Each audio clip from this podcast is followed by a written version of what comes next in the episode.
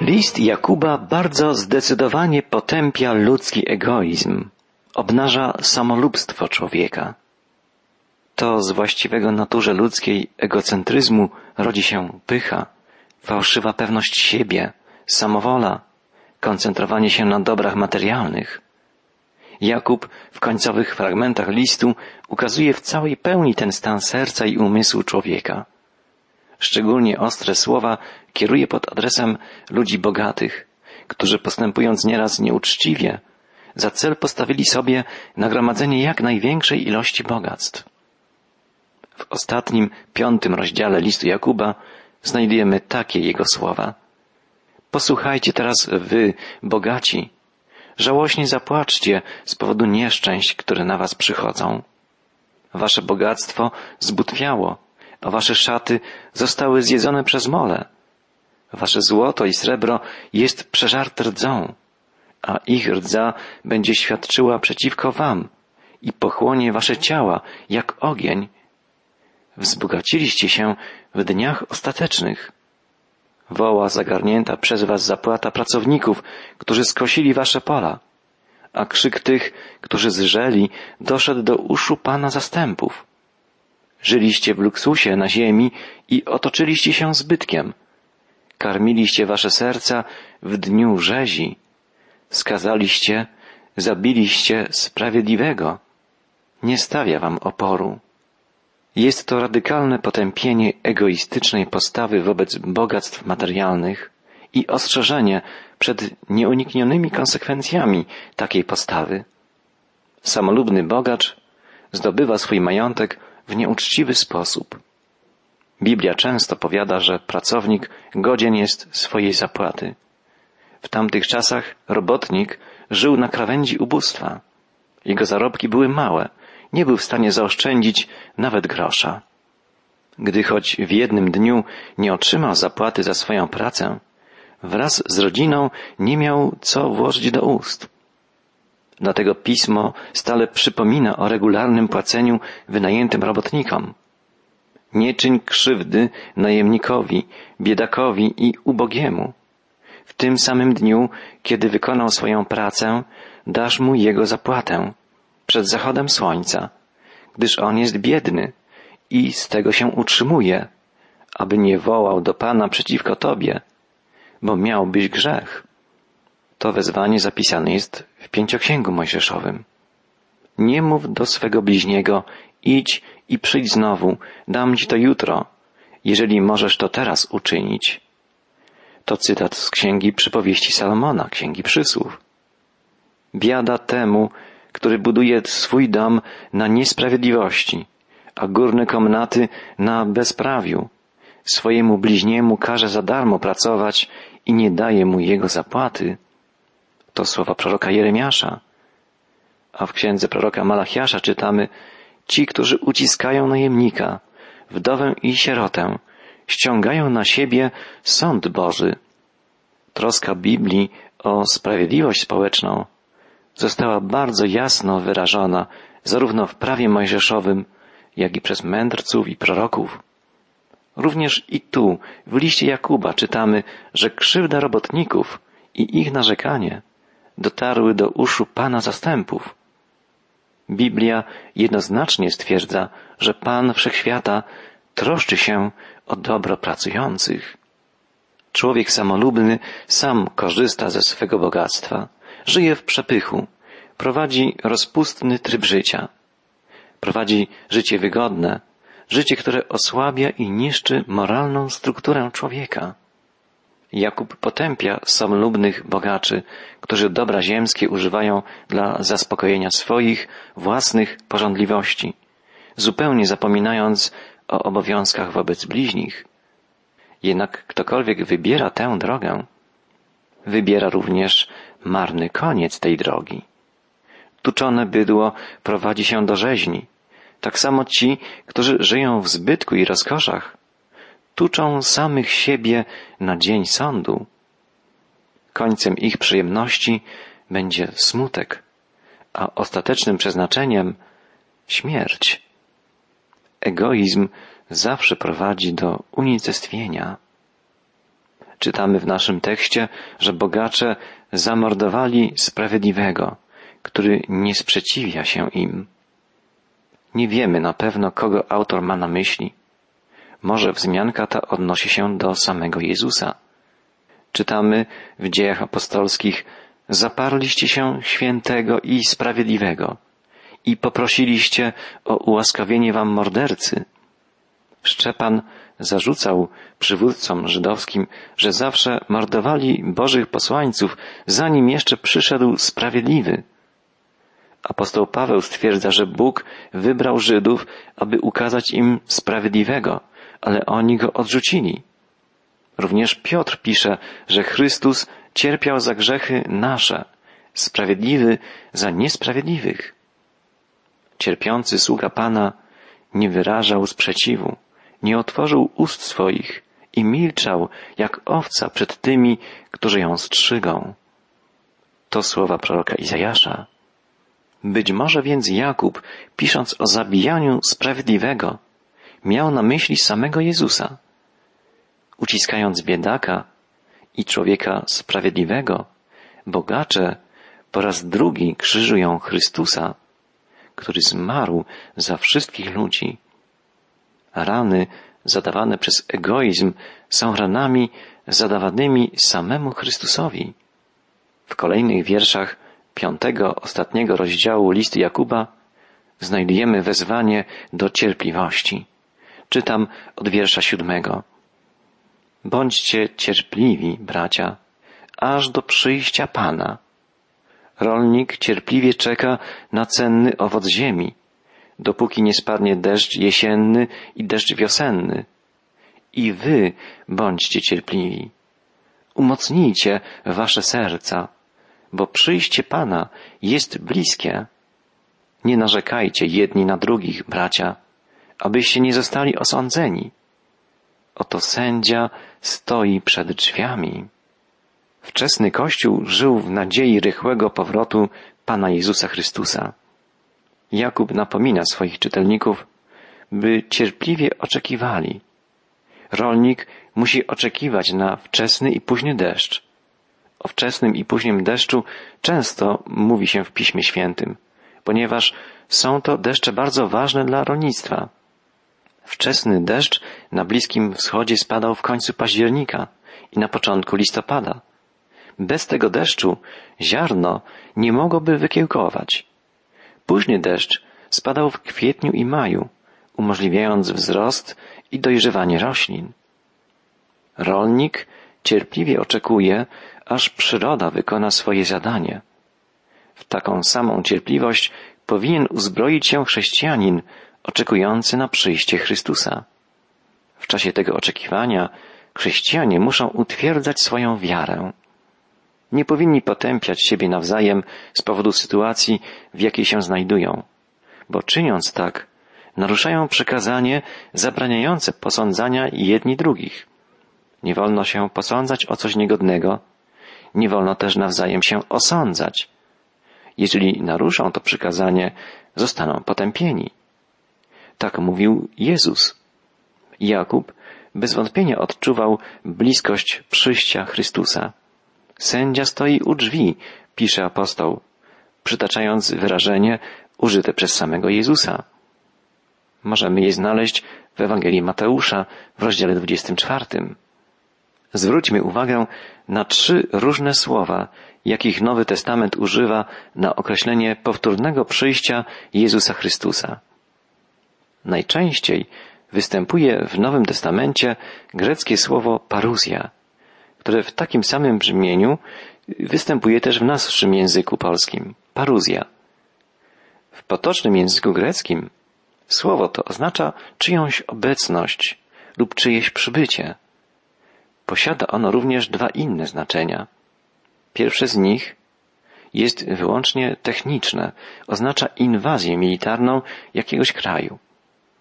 Szczególnie często używa się je na określenie wizyty króla lub gubernatora w jednej z prowincji imperium.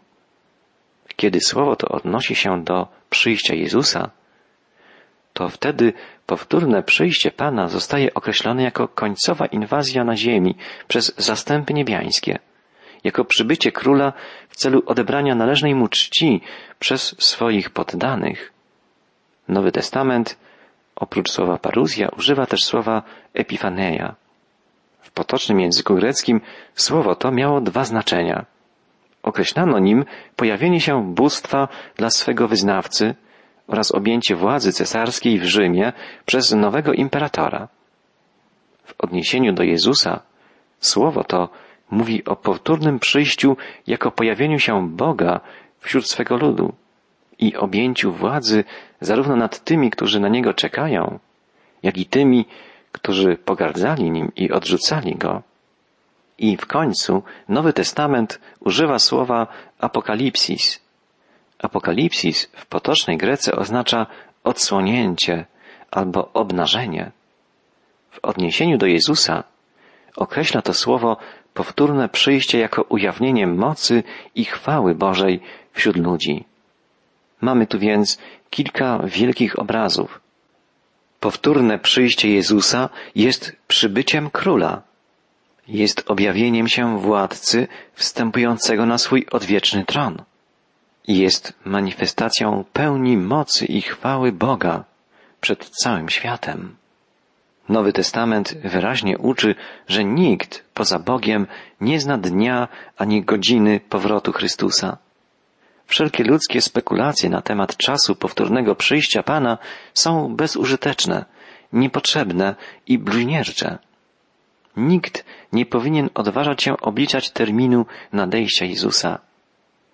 Nowy Testament podaje, że powtórne przyjście nadejdzie nagle jak błyskawica i niespodziewanie jak złodziej w nocy. Na wydarzenie to nie będziemy w stanie przygotować się w czasie jego trwania. Musimy być wcześniej na nie przygotowani. Dlatego Nowy Testament zachęca ludzi wierzących do podjęcia pewnych działań. Po pierwsze, stale muszą oni czuwać. Są podobni do sług, których Pan wyjechał i nie podał dokładnego czasu swego powrotu. Muszą więc zawsze być gotowi na Jego przyjście, czy to z rana, w południe, czy też w nocy. Czytamy o tym w Ewangelii Mateusza w rozdziale 24. Dłuższe opóźnienie nie powinno prowadzić do rozczarowania czy zapomnienia. Bóg nie mierzy czasu ludzką miarą. Dla Niego nasze tysiące lat wydają się jednym dniem. Mimo to On nie zmienia swoich zamiarów. Ludzie muszą wykorzystywać czas, by przygotować się na przyjście króla. Powinni być trzeźwi, powinni stale się uświęcać. Takie wezwania znajdujemy niemal we wszystkich listach apostolskich, na przykład w pierwszym liście Piotra w rozdziale czwartym, czy w pierwszym liście do Tesaloniczan w rozdziale trzecim. Znajdujemy je także tutaj, w liście Jakuba. Z pomocą Bożej łaski ludzie wierzący powinni stawać się coraz bardziej nienaganni w ciele i w duchu. Muszą odrzucać uczynki ciemności i oblec się w zbroję światłości, gdyż dzień spotkania z Jezusem jest im coraz bliższy. To słowa z listu do Rzymian z rozdziału 13. Chrześcijanie powinni tak wykorzystać czas, by móc z radością i bez wstydu powitać nadchodzącego króla. Do chwili nadejścia tego dnia muszą trwać w społeczności ze sobą. Wspominając o powtórnym przyjściu, apostoł Piotr zachęca do wzajemnej miłości i gościnności. Czytamy o tym w pierwszym liście Piotra w czwartym rozdziale. Apostoł Paweł nakazuje, aby wszystko czynić w miłości, ponieważ Pan jest blisko. Maranata. Tak pisze apostoł narodów w pierwszym liście do Koryntian w szesnastym rozdziale. Nasza skromność powinna być znana wszystkim ludziom, bo Pan jest blisko. Słowo skromność to epiejkes. Określa ono ducha bardziej gotowego do przebaczenia niż domagania się sprawiedliwości. Autor listu do Hebrajczyków zachęca do wzajemnego udzielania sobie pomocy, do trwania w społeczności chrześcijańskiej, do dawania sobie otuchy, ponieważ przybliża się dzień powrotu Pana. Nowy Testament Wielokrotnie więc i wyraźnie podkreśla, że oczekując na przyjście Chrystusa, powinniśmy pojednać się ze swoimi bliźnimi. Każdy chrześcijanin powinien kończyć dzień pojednaniem się ze swoim bratem, ze swoim bliźnim, gdyż Chrystus może przyjść nawet najbliższej nocy. Najlepszym przygotowaniem do spotkania z Chrystusem jest życie w bliskiej łączności z Jezusem na co dzień i w bliskiej więzi, w dobrych relacjach z wszystkimi bliźnimi. Jeśli z Chrystusem łączy nas bliska, osobista więź duchowa, nawiązująca się wtedy, gdy Mu wierzymy, ufamy, wtedy Jego widzialne nadejście w pełni mocy i chwały nie będzie dla nas czymś przerażającym, ale czymś cudownym, radosnym. Wszystkie biblijne obrazy powtórnego przyjścia Jezusa wskazują na jedną wielką prawdę. Nasz świat zmierza do określonego celu. Całe stworzenie zdąża do jednego, wyznaczonego przez Boga wydarzenia Dnia Pańskiego. Dlatego postawę chrześcijanina, oczekującego na spełnienie się Bożego planu, powinna cechować cierpliwość. Jakub tak pisze o tym, jak czytamy dalej od wiersza dziesiątego. Weźcie przykład, bracia, z wytrwałości i cierpliwości proroków, którzy przemawiali w imieniu Pana. Uważamy za szczęśliwych tych, którzy byli wytrwali. Słyszeliście o wytrwałości Hioba i zobaczyliście, jaki koniec przygotował mu Pan, bo Pan jest pełen współczucia i miłosierdzia. Zawsze jest bardzo pocieszające to, że inni przeszli już przez doświadczenia, które my obecnie przechodzimy. Apostoł Jakub przypomina nam, że prorocy i inni wielcy mężowie Boży nie wykonaliby swoich zadań, gdyby nie byli ludźmi wytrwałymi, cierpliwymi. Sam Jezus powiedział, iż ten, kto wytrwa do końca, zbawiony będzie. Jakub przytacza także przykład Hioba. Wczytując się w historię jego życia, dowiadujemy się o jego sprzeciwianiu się własnemu losowi. Kwestionował on tradycyjne argumenty swoich przyjaciół. Zmagał się z myślą, że Bóg mógłby zapomnieć o nim. Jednak mimo tych bolesnych wątpliwości, które rozdzierały jego serce, jeden fakt pozostał niezmienny. Nigdy nie stracił on wiary w Boga. Hiob powiedział, tak czy owak, on mnie zabije, już nie mam nadziei. Już teraz mam świadka w niebie i swego orędownika na wysokościach. Lecz ja wiem, że odkupiciel mój żyje. Hiob nie był człowiekiem bezkrytycznie poddanym, mocował się ze sobą, zadawał pytania, a czasem nawet sprzeciwiał się, buntował. Ale w jego sercu palił się jednak płomień wiary, który nigdy nie został zgaszony. Na określenie tej wspaniałej cechy Nowy Testament używa słowa hypomene. Oznacza ono nie bierną cierpliwość, lecz zwycięskie przedzieranie się przez wzburzone fale wątpliwości, smutku, przeciwności, nieszczęść, żeby w końcu wyjść wzmocnionym w wierze. Może być taka wiara, która nigdy nie narzeka i nie stawia pytań. Jednak silniejsza jest taka wiara, która mimo nieszczęść i wątpliwości pozostaje wiarą. Tego rodzaju wiara przeprowadziła Hioba przez wszystkie niebezpieczeństwa, ponieważ Pan pobłogosławił ostatnie lata Hioba więcej aniżeli początkowe. Tak czytamy na zakończenie opowieści o Hiobie w ostatnim fragmencie jego księgi. Drogi słuchaczu, są w życiu chwile, kiedy wydaje się nam, że Bóg o nas zapomniał. Ale jeśli w takich chwilach zachowamy wiarę, jeśli będziemy ufać Bogu, przekonamy się, że Bóg jest łaskawy, wierny i miłosierny.